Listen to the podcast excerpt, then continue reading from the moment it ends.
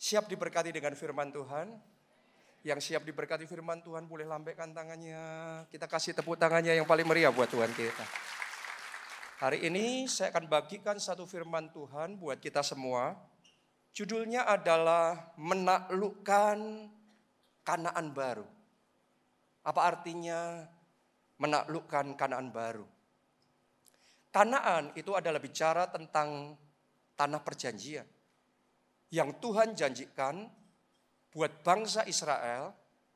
Dan karena Tuhan menyertai mereka, mereka berhasil mengambil alih, menaklukkan tanah tersebut.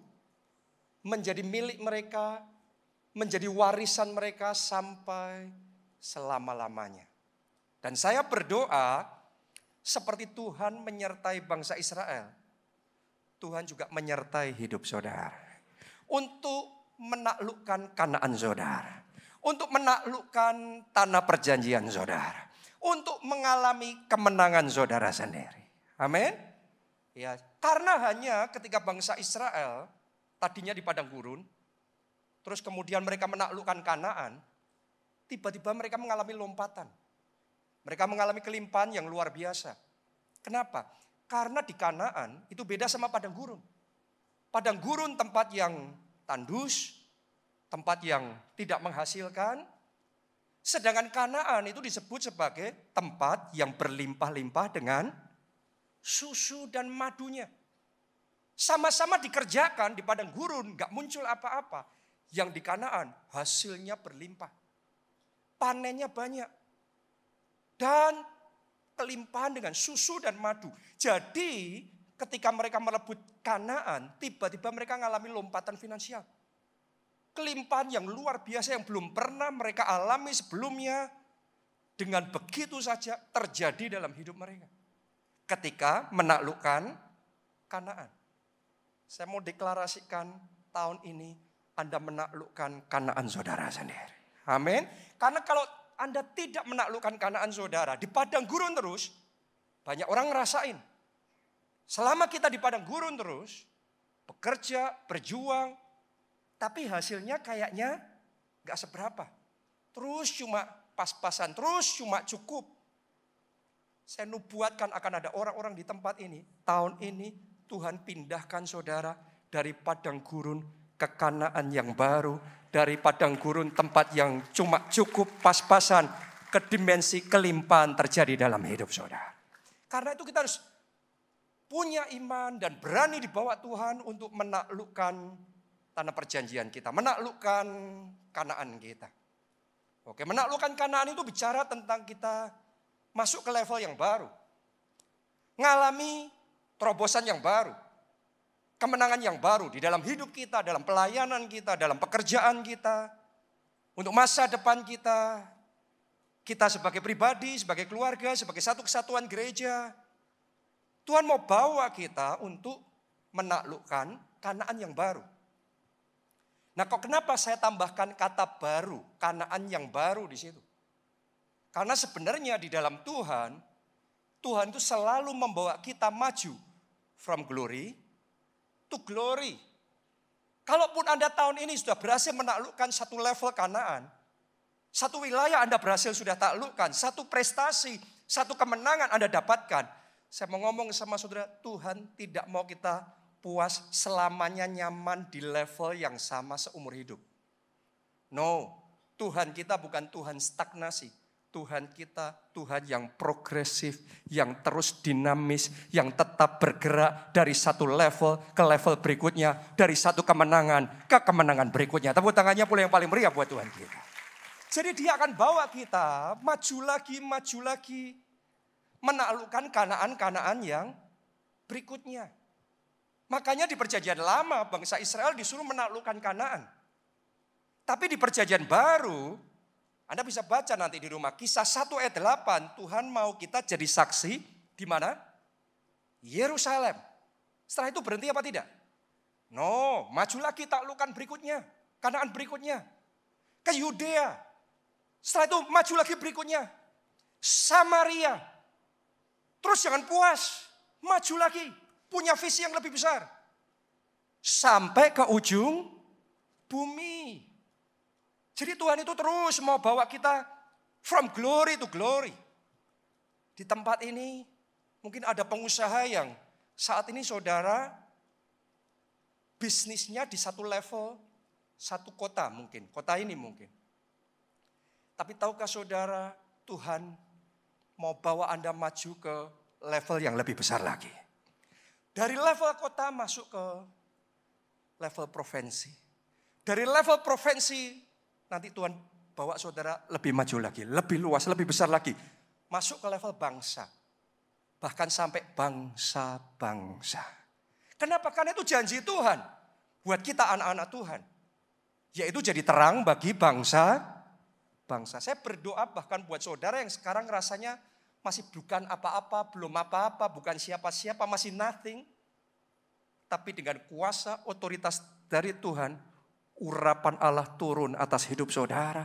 Dan urapan itu yang akan membuat saudara bersinar jadi terang bagi bangsa-bangsa. Katakan amin. Tepuk tangannya boleh paling meriah buat Tuhan kita. Jadi hari ini doa sama Tuhan, Tuhan urapi aku untuk bisa merebut kanaan yang baru. Harus ada kemenangan yang baru. Karena kalau saudara cuma menikmati ada di kemenangan lama, kemenangan zaman dulu, maka hidupmu stagnan.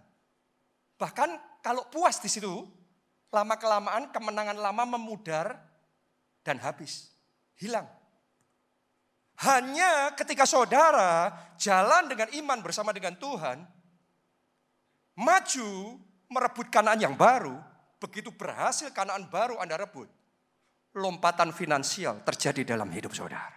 Tiba-tiba satu level kelimpahan yang belum pernah engkau alami sebelumnya. Tuhan akan curahkan di dalam hidup saudara. Amin. Karena itu kita harus jadi orang yang punya spirit fighter. Spirit pejuang. Ada orang spiritnya pokok cumanya mau menikmati aja. Kalau Anda hanya mau menikmati saja sekarang oke, okay, tapi berapa waktu ke depan It's not going to be okay. Tidak akan oke, okay. tidak akan baik-baik saja karena orang yang hanya menikmati ketinggalan. Orang yang hanya menikmati pada akhirnya kemuliaannya memudar, kemenangannya akan menjadi habis. Tapi kalau saudara punya semangat fighter, pejuang, saya mau ngomong sama saudara, walaupun sekarang bayar harganya luar biasa, tetapi babak berikutnya engkau akan punya kesaksian, mujizat yang baru, kemenangan yang baru, berkat yang baru, terobosan yang baru Tuhan kerjakan dalam hidup saudara. Amin. Nah, sekarang saya mau bagikan kepada saudara tiga rahasia menaklukkan kanaan baru. Tiga rahasia menaklukkan kanaan baru. Nomor satu, berani menyeberang sungai Yordan menuju kanaan baru. Jadi bangsa Israel pada waktu itu sebelum mereka berhasil menaklukkan Kanaan yang baru, mereka itu dibatasi dengan Sungai Yordan. Mereka ada di sebelah sini, Kanaan di sebelah sana. Di sebelah sini wilayah yang sudah berhasil mereka taklukkan. Jadi mereka sudah hidup sekian tahun lamanya dan enjoy dengan wilayah yang lama. Dengan kemenangan yang lama. Mereka sudah nyaman di situ. Dan kadang-kadang kalau kita sudah nyaman dengan kemenangan yang lama, terus disuruh menyeberangi sungai Yordan yang mana pada waktu itu sungai Yordan itu alirannya deras sekali. Kalau orang menyeberangi, bisa-bisa mereka tergelincir dan mati. Berarti menyeberangi sungai Yordan, ada resikonya apa tidak? Yes, beresiko. Butuh bayar harga besar. Apalagi bukan cuma menyeberangi sungai Yordan, melawan alam. Setelah mereka berhasil menyeberangi sungai Yordan, mereka harus berhadapan dengan siapa? Para raksasa. Emangnya kanaan yang subur mewelcome begitu saja untuk direbut? No, ada penguasanya. Raksasa-raksasa yang besar. Raksasa-raksasa yang kuat. Yang mungkin secara skill lebih hebat dari mereka dalam hal bertempur, berperang. Kadang-kadang kalau nggak hati-hati orang akan berpikir ah resiko susah bayar harga sudah gini aja lah. Tanpa kita berani menyeberangi sungai Yordan, kita tidak akan pernah bisa merebut kanaan yang baru. Jadi kalau saudara dan saya mau merebut kanaan yang baru, hari ini saya mau katakan berani menyeberangi sungai Yordan. Berani ambil langkah iman untuk melakukan perkara yang besar. Bahkan yang tampaknya mustahil. Mesti berani, butuh keberanian. Untuk bayar harga, keberanian melakukan hal yang kayaknya beresiko. Keberanian untuk melakukan hal yang unthinkable. Kayak tidak kebayang sebelumnya. Tapi kalau saudara berani berjalan bersama dengan Tuhan, saya mau katakan, Anda tidak akan dibiarkan berjuang sendiri. Tuhan akan menyertai saudara. Tuhan akan membackup saudara. Dan kalau Allah bersama kita, siapa lawan kita? Amin. Yosua 1 ayat 1 sampai 3. Sesudah Musa hamba Tuhan itu mati, berfirmanlah Tuhan kepada Yosua bin Nun, abdi Musa itu demikian. Hambaku Musa telah mati, sebab itu bersiaplah sekarang, apa katanya? Seberangilah sungai Yordan ini. Saya rasakan ada orang-orang di tempat ini yang saudara sudah nyaman. Selama ini dengan keadaan saudara, pekerjaan saudara, hidup saudara sekarang ini. Tapi hari ini Tuhan mau berikan visi yang lebih besar. Tuhan mau bawa saudara untuk merebut kanaan yang baru. Mengerjakan proyek-proyek yang lebih besar. Amin. Karena itu Tuhan ngomong seberangilah sungai Yordan artinya tinggalkan kenyamananmu. Mulai siapkan dirimu untuk melintasi sungai Yordan, menyeberangi sungai Yordan, melakukan hal-hal yang tadinya Kayaknya ah nggak mungkin lah ngapain ah susah ah capek ah. No. Tuhan punya rencana yang besar dalam hidup saudara. Tuhan mau kerja besar dalam hidup saudara. Hari ini, ini pesan Tuhan, seberangilah sungai Yordan. Lanjutkan lagi ayat itu. Engkau dan seluruh bangsa ini menuju ke mana? Negeri yang akan kuberikan kepada mereka kepada orang Israel itu, yaitu Kanaan, tanah perjanjian. Ini janji Tuhan buat saudara dan saya ayat yang ketiga. Ayo kita baca bersama-sama dengan keras semuanya ya. Satu, dua, tiga. Setiap tempat yang akan diinjak oleh telapak kakimu, kuberikan kepadamu seperti yang telah kujanjikan kepada Musa. Langkah kaki saudara diurapi diberkati oleh Tuhan setiap tempat yang diinjak kelapak kakimu diberikan kepadamu. Sekarang terima dalam nama Yesus. Terima blessing dalam nama Yesus. Terima kemenangan dalam nama Yesus. Amin. Tapi harus berani apa? Menyeberang sungai Yordan. Meninggalkan kenyamanan kita. Mengambil langkah iman. Berani bayar harga berani repot, berani kerja keras, berani susah untuk mengerjakan visi Tuhan yang lebih besar. Mengerjakan proyek-proyek yang lebih besar. Merebut kanaan yang lebih besar. Gak cuma berhenti di Yerusalem, harus maju Yudea. Jangan berhenti di Yudea. Maju lagi Samaria, jangan puas Samaria. Terus sampai ke ujung bumi. Bukankah itu yang sedang Tuhan kerjakan di gereja kita? Kita bicara tentang Jakarta dulu. Di Jakarta baru beberapa tahun yang lalu kita itu ngalami kemenangan besar. Merebut kanaan kita sendiri, wilayah kita sendiri, tempat kita sendiri, tempat ini saudara. Soho Capital lantai 11 yang kita sekarang sedang pakai untuk ibadah ini. Sekian tahun yang lalu ini butuh perjuangan yang luar biasa untuk kita bisa punya tempat ini. Itu proyek besar. Karena untuk beli tempat ini, ini kan kayak dua lantai jadi satu gitu ya. Di office space seperti ini, kita untuk beli tempat ini, satu lantai full, untuk renovasi semuanya, alat musik, sound system, LED, semua peralatan yang ada di sini, sekian tahun yang lalu, itu butuh 100 miliar untuk jadiin ini semua. Dan buat kita waktu itu wah kayaknya muluk-muluk sekali, wah kayaknya besar sekali, wah kayaknya nggak mungkin. Tapi sekali lagi, kita tidak berjuang sendiri. Setiap tempat yang diinjak telapak kakimu, kuberikan kepadamu.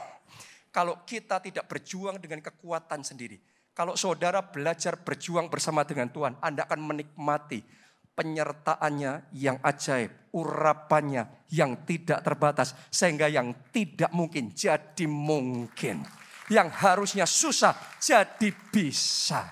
Sehingga akhirnya akhirnya sampai di satu momen berhasil kita dapat di sini. Dan ketika kita dapat di sini, Anda bisa ngerasain kelas gereja kita tiba-tiba di-upgrade.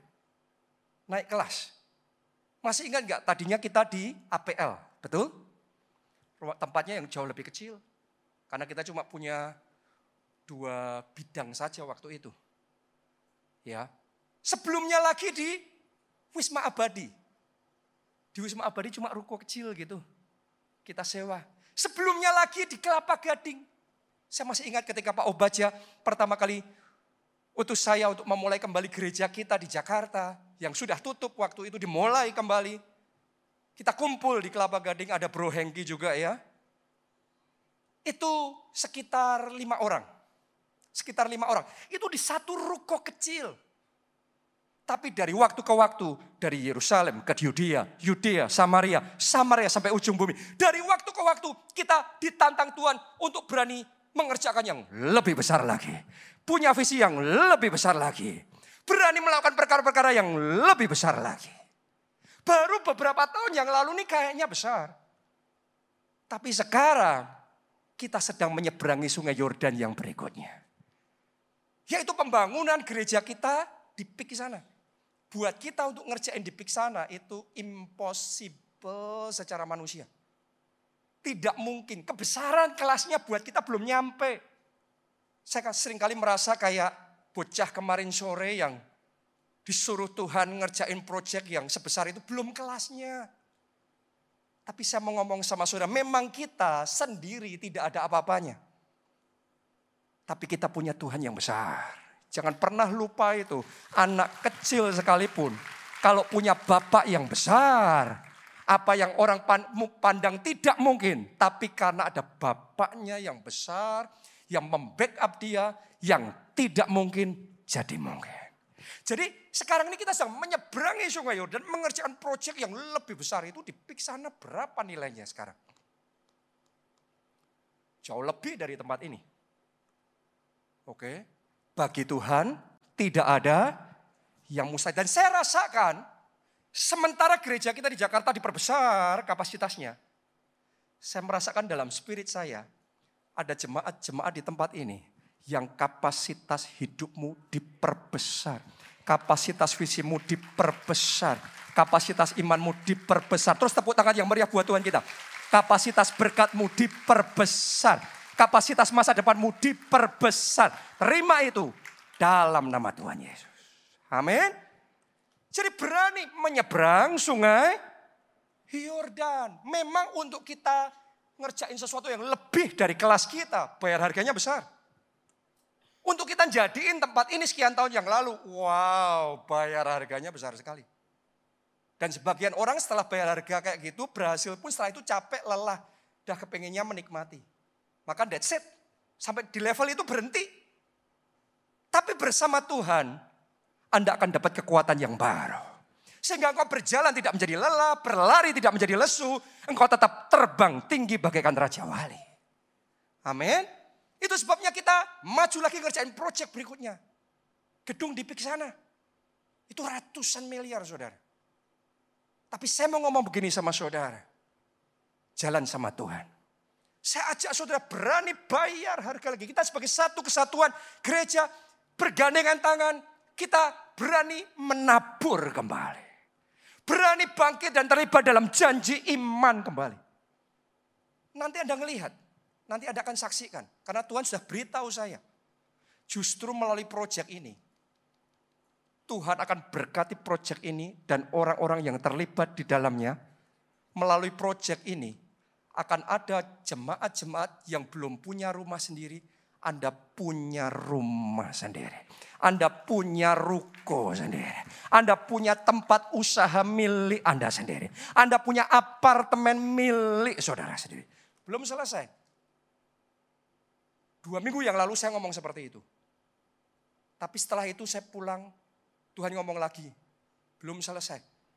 Yang sudah punya, jemaat yang sudah punya.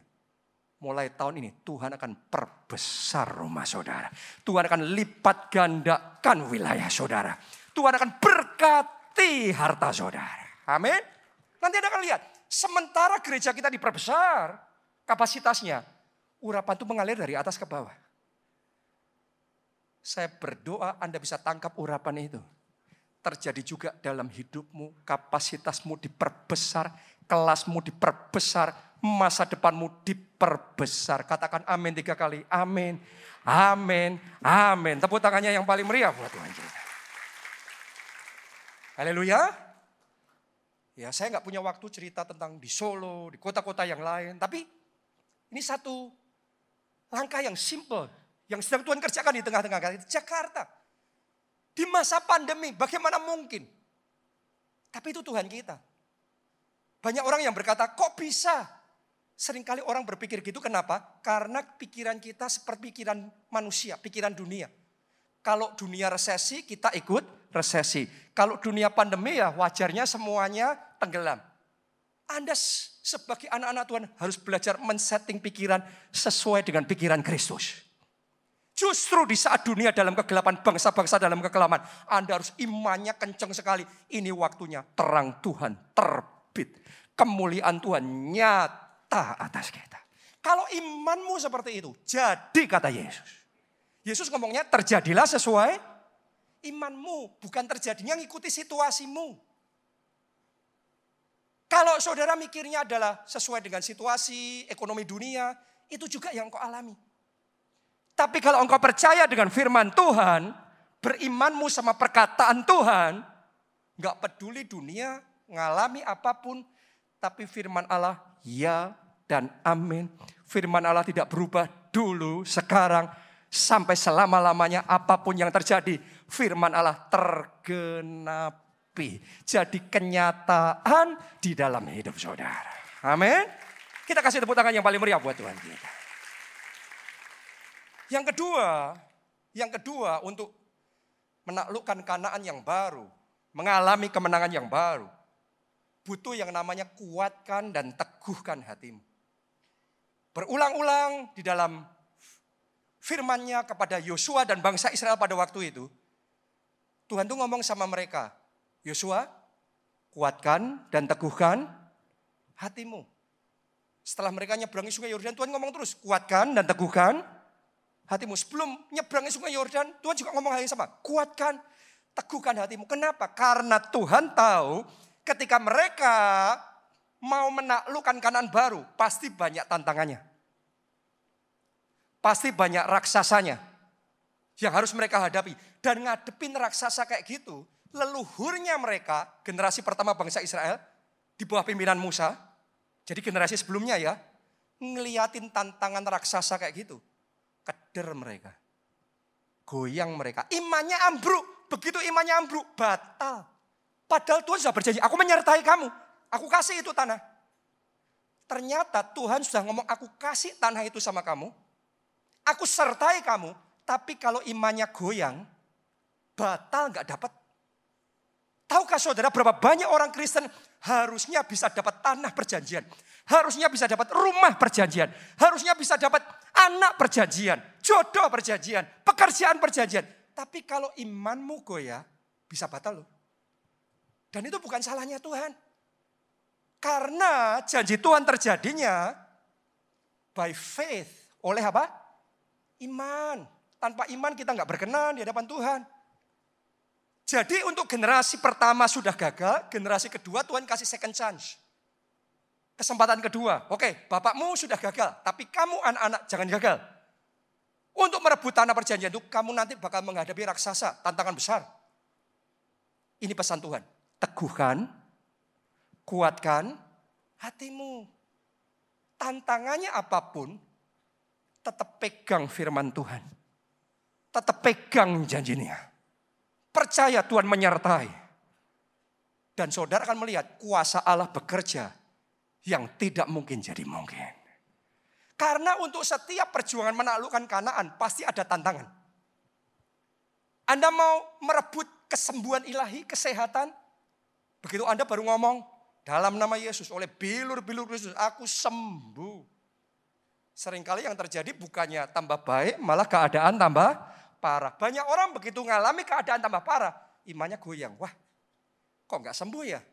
Kok malah lebih parah. Begitu imannya goyang, akhirnya ambruk imannya, batal kesembuhan terjadi. Anda harus mengerti selalu ada tantangan yang akan kita hadapi di dalam menaklukkan kanan baru. Siapa di sini mau visi yang Tuhan taruh dalam hidup saudara, visi jadi kenyataan dalam hidupmu. Boleh lambaikan tangan saudara. Kita semua mau visi, impian jadi kenyataan. Tahukah saudara, setiap visi yang Anda perjuangkan pasti menghadapi tantangan. Dan kalau saudara menghadapi tantangan yang besar, tantangan raksasa, terus imanmu goyang, ambruk imannya, batal. Nggak jadi visi itu. Hari ini firman Tuhan ngomong sama saudara, teguhkan dan kuatkan hatimu.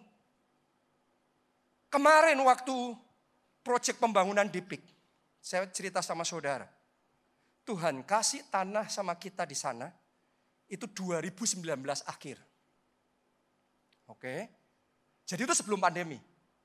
Terus November 2019 kita itu memulai peletakan batu pertama ngerjain fondasi. November 2019. Dimulai. Kemudian Maret 2020 pandemi melanda Indonesia, lockdown. Berarti berapa bulan kita baru mulai?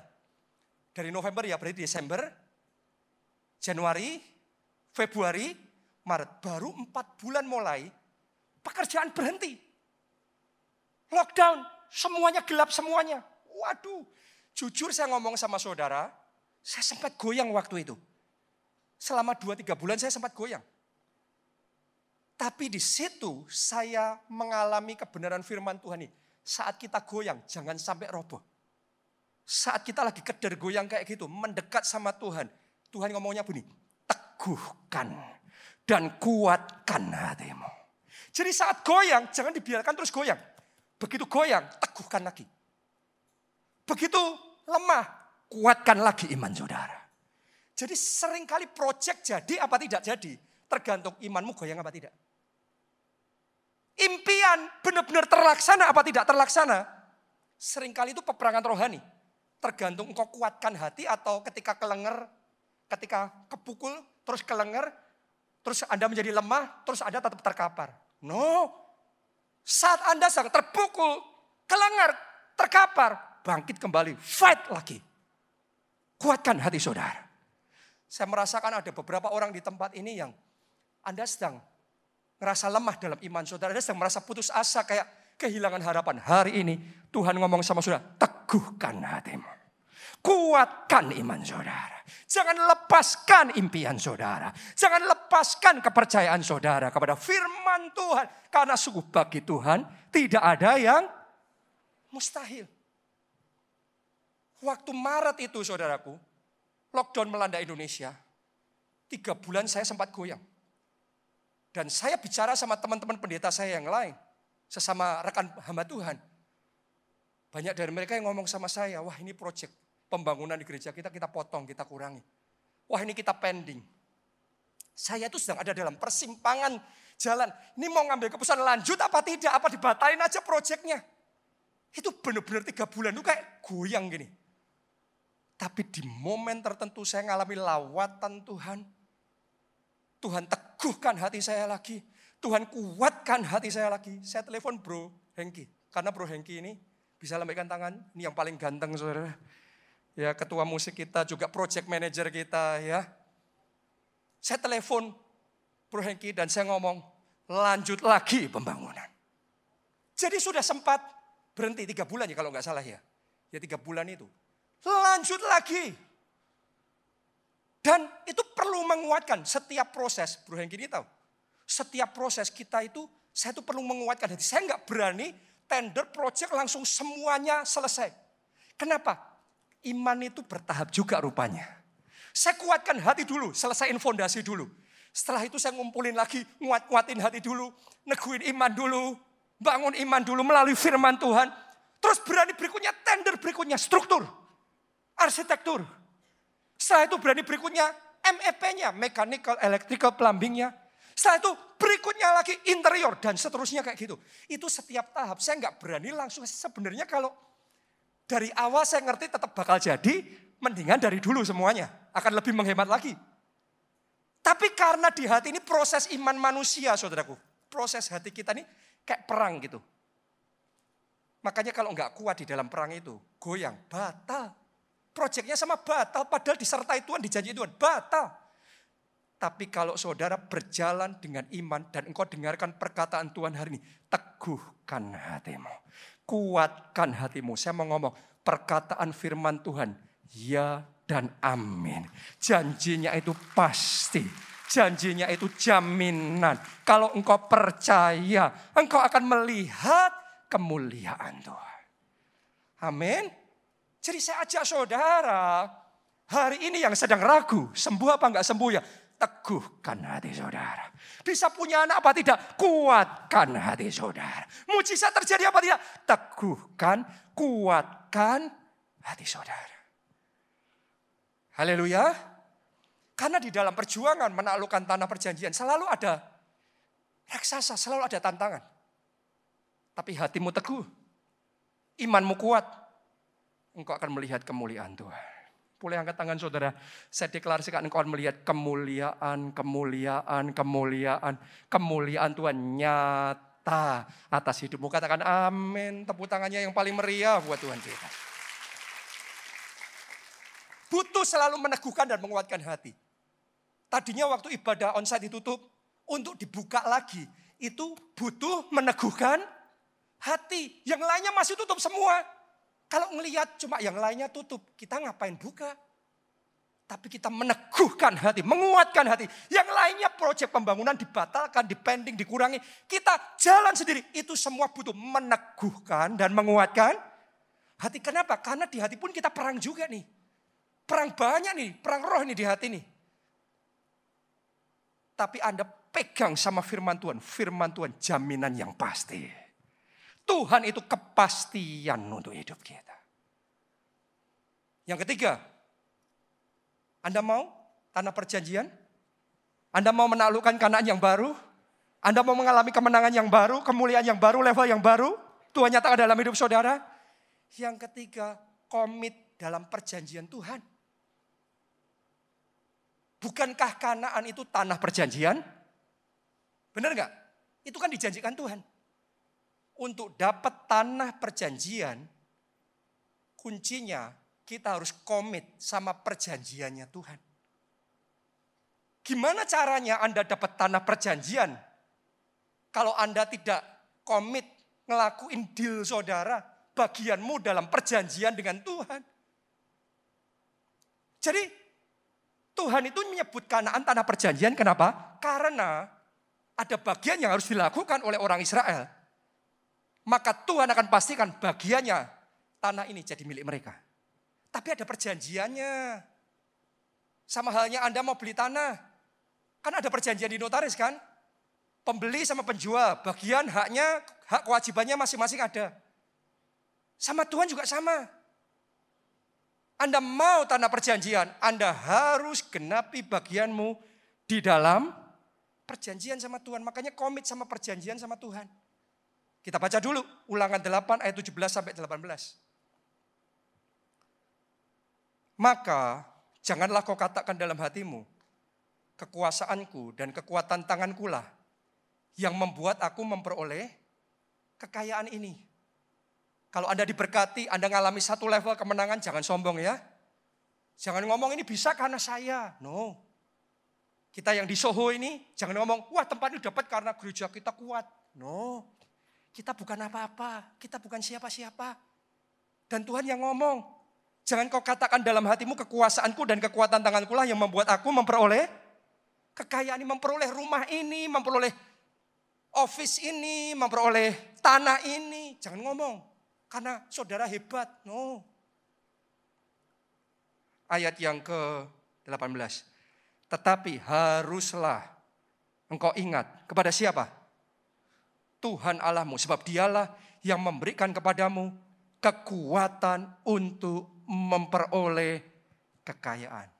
Kemarin khotbahnya minggu lalu, kekuatan untuk memperoleh kekayaan. Siapa yang percaya? Anda terima kekuatan itu dari Tuhan. Boleh angkat tangan saudara, sekarang saya berdoa, terima itu dalam nama Yesus.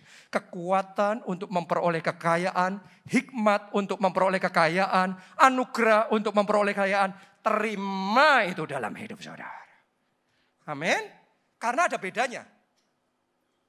Antara hikmat untuk memperoleh kekayaan dan anugerah untuk memperoleh kekayaan. Hikmat itu ngajarin kita supaya ngelakuinnya benar dan ketika kita ngelakuin benar, maka kita menang. Tapi anugerah itu beyond, melampaui itu.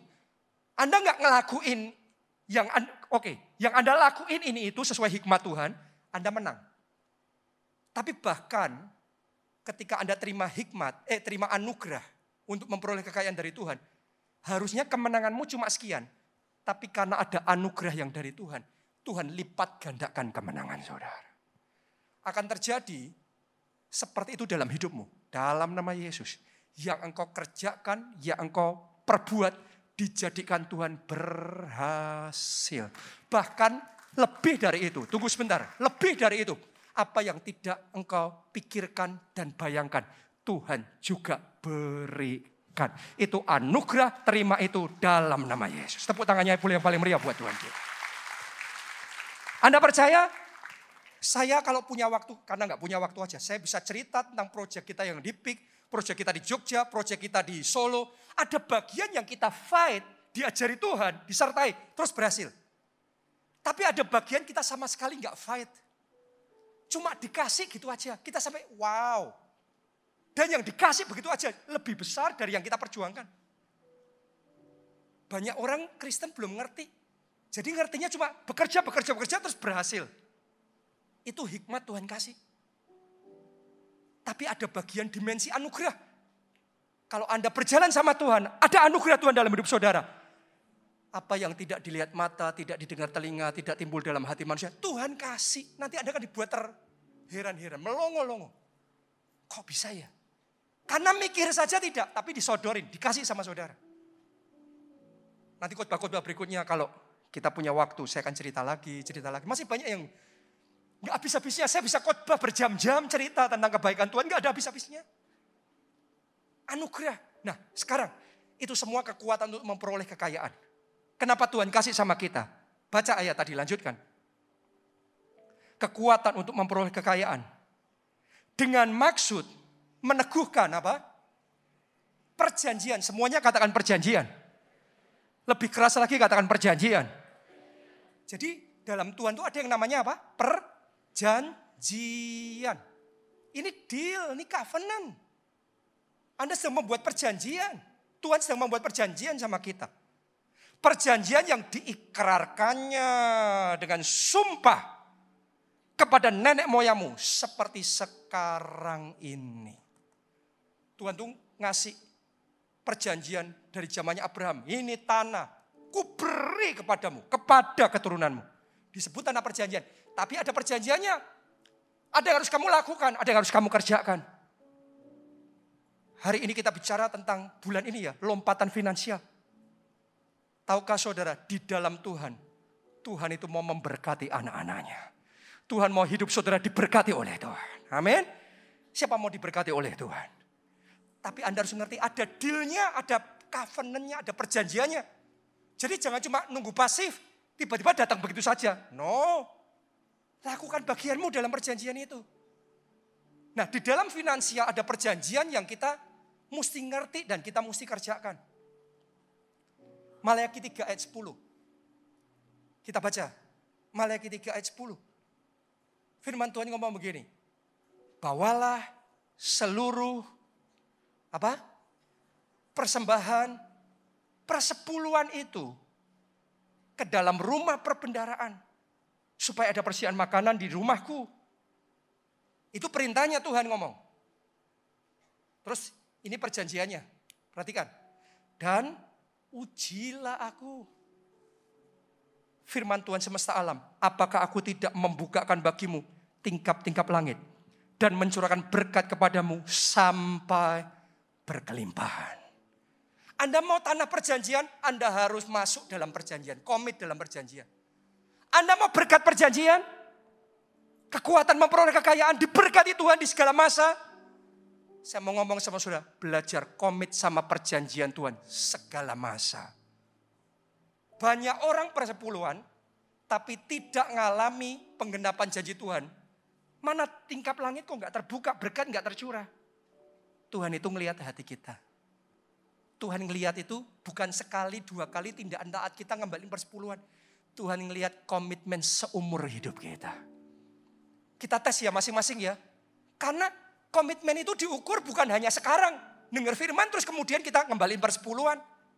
10% dari berkat Tuhan kita kembalikan ke rumah Tuhan. Bukan cuma itu yang Tuhan lihat. Tuhan ngelihat itu long term, jangka panjang. Coba tes masing-masing. Selama pandemi dua setengah tahun kemarin, komit nggak kita mengembalikan persepuluhan?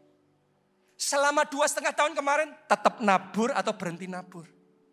Selama dua setengah tahun kemarin tetap beribadah apa tidak? Selama dua setengah tahun kemarin tetap on fire, rohnya berkobar-kobar, melayani Tuhan. Apa berhenti melayani Tuhan? Berapa banyak orang begitu melalui masa tertentu, pandemi, resesi, krisis, persoalan, masalah, komitmennya roboh. Akhirnya kita kehilangan. Saya diajari Tuhan dalam hidup saya. Seumur hidup. Mau itu Kris Monka 98. Mau itu pandemika. Mau itu resesika. Komitmen sama Tuhan harus tetap jalan. Sekali Yesus seumur hidup hidup saya milik Yesus. Sampai akhir, nafas paling akhir, tetap milik Yesus. Sekali melayani Tuhan, no turning back. Tidak ada pensiun pelayanan. Saya tetap melayani Tuhan seumur hidup saya. Nggak peduli kondisinya seperti apa. Mengembalikan persepuluhan juga sama. Emangnya dalam sekian tahun, sekian belas, sekian puluh tahun hidup saya, selalu mudah mengembalikan persepuluhan ada masa-masa yang menantang untuk mengembalikan persepuluhan. Tapi kita komit. Melalui pandemi disuruh jadi berkat, jadi berkat kitanya lagi butuh. Keuangan gereja turun drastis. Tapi disuruh nabur, disuruh memberkati gereja lain, pendeta lain. Emangnya gampang ngelakuin itu semua. Tapi nurut sama Tuhan, komit sama Tuhan. Walaupun awalnya nggak gampang, komitmen ngikuti perjanjian Tuhan sepanjang masa menjamin berkat Tuhan sepanjang masa tersedia dalam hidup kita. Anda akan diberkati di masa baik diberkati, di masa tidak baik diberkati, di masa kelimpahan Anda disertai Tuhan, dijadikan berhasil, di masa semuanya rebah, semuanya tumbang, Tuhan tetap menopang tangan saudara. Tuhan mengokohkan dan meneguhkan saudara. Tuhan yang membuat Anda berhasil. Makanya gereja kita diberkati. Saya percaya bagian dari komitmen sama Tuhan. Di masa pandemi ini, tiga minggu ini kita firman Tuhan tentang ini. Banyak orang yang ngomong, kok bisa ya di masa pandemi ini. Sampai tadi saya masih ketemu orang ngomong, kok bisa gereja kita ngalami kayak gini di masa pandemi. Kayak diberkati luar biasa, padahal semuanya lagi rebah. Padahal jujur saudara coba ngecek masing-masing. Anda memberinya juga berkurang kan? Benar enggak? Ya, menaburnya berkurang semuanya. Kita ini ngalami tantangan besar. Tapi Tuhan itu sudah kuya. Kalau Anda komit sama Tuhan, Tuhan punya seribu satu jalan untuk membukakan tingkap-tingkap langitnya dan memerintahkan berkat tercurah sampai berkelimpahan. Dalam hidup saya pribadi pun saya ngalami. Tahu nggak saudara, di masa pandemi saya sudah pernah cerita. Ya, awal tahun ini hari Rabu atau Kamis waktu itu saya lagi ngomong sama istri saya, Pastor Nita, aku suka mobil ini, aku kepengen mobil ini. Cuma ngomong gitu. Hari minggunya ada jemaat yang sudah nunggu dari ibadah pagi. Ternyata saya nggak khotbah ibadah pagi. Terus kemudian nunggu ibadah yang jam 10 ini. Kayaknya jam 10 ini pun juga bukan saya yang khotbah waktu itu. Kalau nggak salah Pak Yosi yang khotbah. Saya baru khotbah ibadah yang jam 12. Jadi dia nunggu dari ibadah pertama nggak ada saya.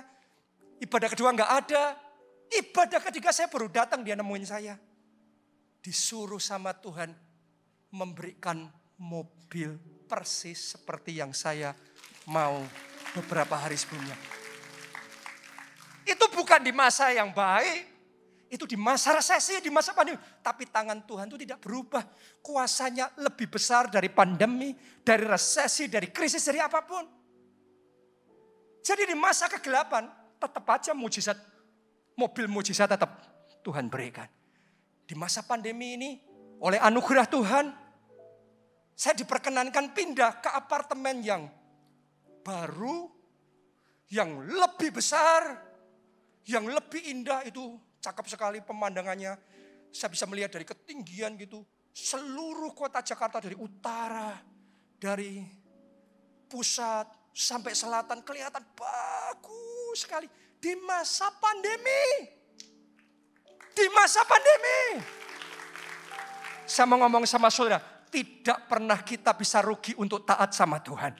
Tidak pernah kita bisa rugi untuk komit sama perjanjian Tuhan. Janjinya aku akan membuka tingkap-tingkap langit dan mencurahkan berkat sampai berkelimpah. Anda harus ngerti yang engkau sembah itu Allah yang kekayaannya tidak terbatas. Kelimpahannya tidak terkatakan. Kalau saudara berani komit. Komit bukan pas enak di hati. Ngasih persepuluhan pas tergerak. Terus Anda ngasih persepuluhan nanti nggak tergerak lagi. nggak ngasih persepuluhan. Pas terdorong menabur. nggak terdorong lagi nggak menabur. No, no, no, bukan seperti itu. Saya kalau komitmen sama Tuhan yang Tuhan mau, kita komitmennya all the way. Seumur hidup kita, all seasons, dalam musim apa pun, kita komit sama Tuhan. Nanti Anda akan melihat bagaimana di dalam musim apa pun, dalam keadaan apa pun, tangannya tetap bekerja. Tingkap-tingkap langit tetap terbuka. Dan berkat tetap tercurah dalam hidup saudara. Anda percaya? Siapa di sini mau komit sama perjanjian Tuhan? Mari bangkit berdiri. Ku percaya janjimu.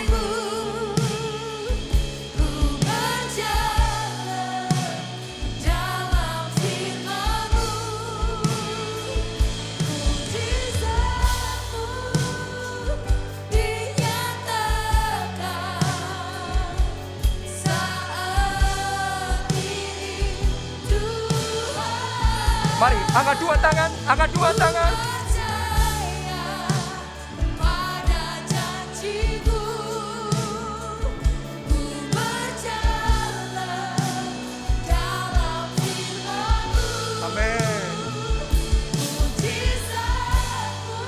Amin.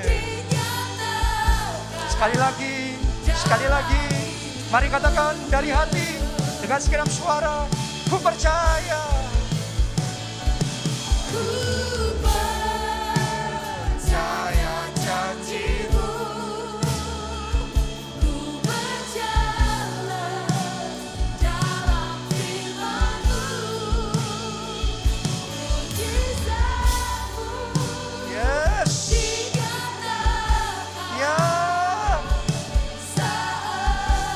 Saudara, terima mujizatnya, dinyatakan saat ini terima,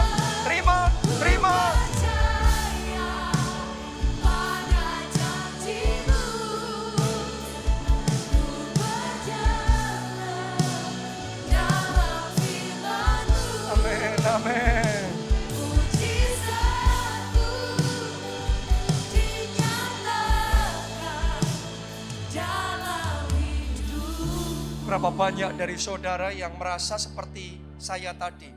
Komitmennya sempat roboh. Imannya sempat goyah. Tadinya saudara komit mengembalikan persepuluhan. Tapi terus kemudian goyah. Terus sempat roboh. Tadinya sudah menabur, menabur. Wah semangat. Terus kemudian ada berhenti menabur. Tadinya sudah melayani, melayani. Dengan roh yang menyala-nyala Berapa banyak orang yang sudah berhenti melayani gara-gara pandemi. No, that is not the way. Itu bukan jalan kita komit sama Tuhan. Itu bukan jalan kita mengikut Tuhan. Kalau kita ikut Tuhan, sekali cinta Yesus, seumur hidup tetap cinta Yesus. Sekali kita beribadah melayani sampai akhir, kita tetap melayani Tuhan. Kita tetap memberikan yang terbaik buat Tuhan. Hari ini, ini pesan Tuhan buat kita. Teguhkan, kuatkan hatimu. Teguhkan, kuatkan hatimu. Siapa di sini yang mau ngomong, Aku mau meneguhkan dan menguatkan hati. Anda yang perlu kekuatan dari Tuhan. Angkat dua tangan saudara, katakan Tuhan Yesus. Dengan sekuat hati katakan Tuhan Yesus. Beri kekuatan. Untuk aku meneguhkan. Menguatkan. Hati dan imanku. Mari angkat suara suara masing-masing berdoa. Tidak goyah lagi. Tidak roboh lagi. Jadi kuat jadi kokoh, jadi mantap, teguh dalam iman, komit dalam perjanjian berkat, komit dalam perjanjian Tuhan. Ora lawa syara lawa lawa lawa lawa. Aku mau komit, komit apa pun yang terjadi, komit segala musim, segala masa, komit sama perjanjian Tuhan. Oh. Amin. Ku percaya berjalan dalam firmanmu. Mujizatmu dinyatakan saat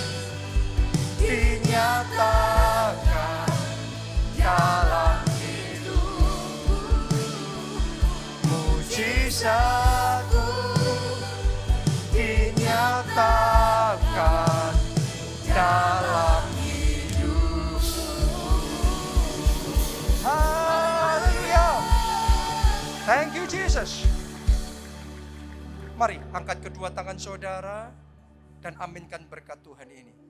Diberkati saudara oleh Tuhan. Amin. Diberkati keluargamu oleh Tuhan. Amin. Diberkati studi dan pekerjaan saudara oleh Tuhan. Amin. Diberkati kesehatan dan masa depan saudara oleh Tuhan. Amin. Dan diberkatilah pertumbuhan rohani yes. serta pelayanan saudara Amin. oleh Tuhan.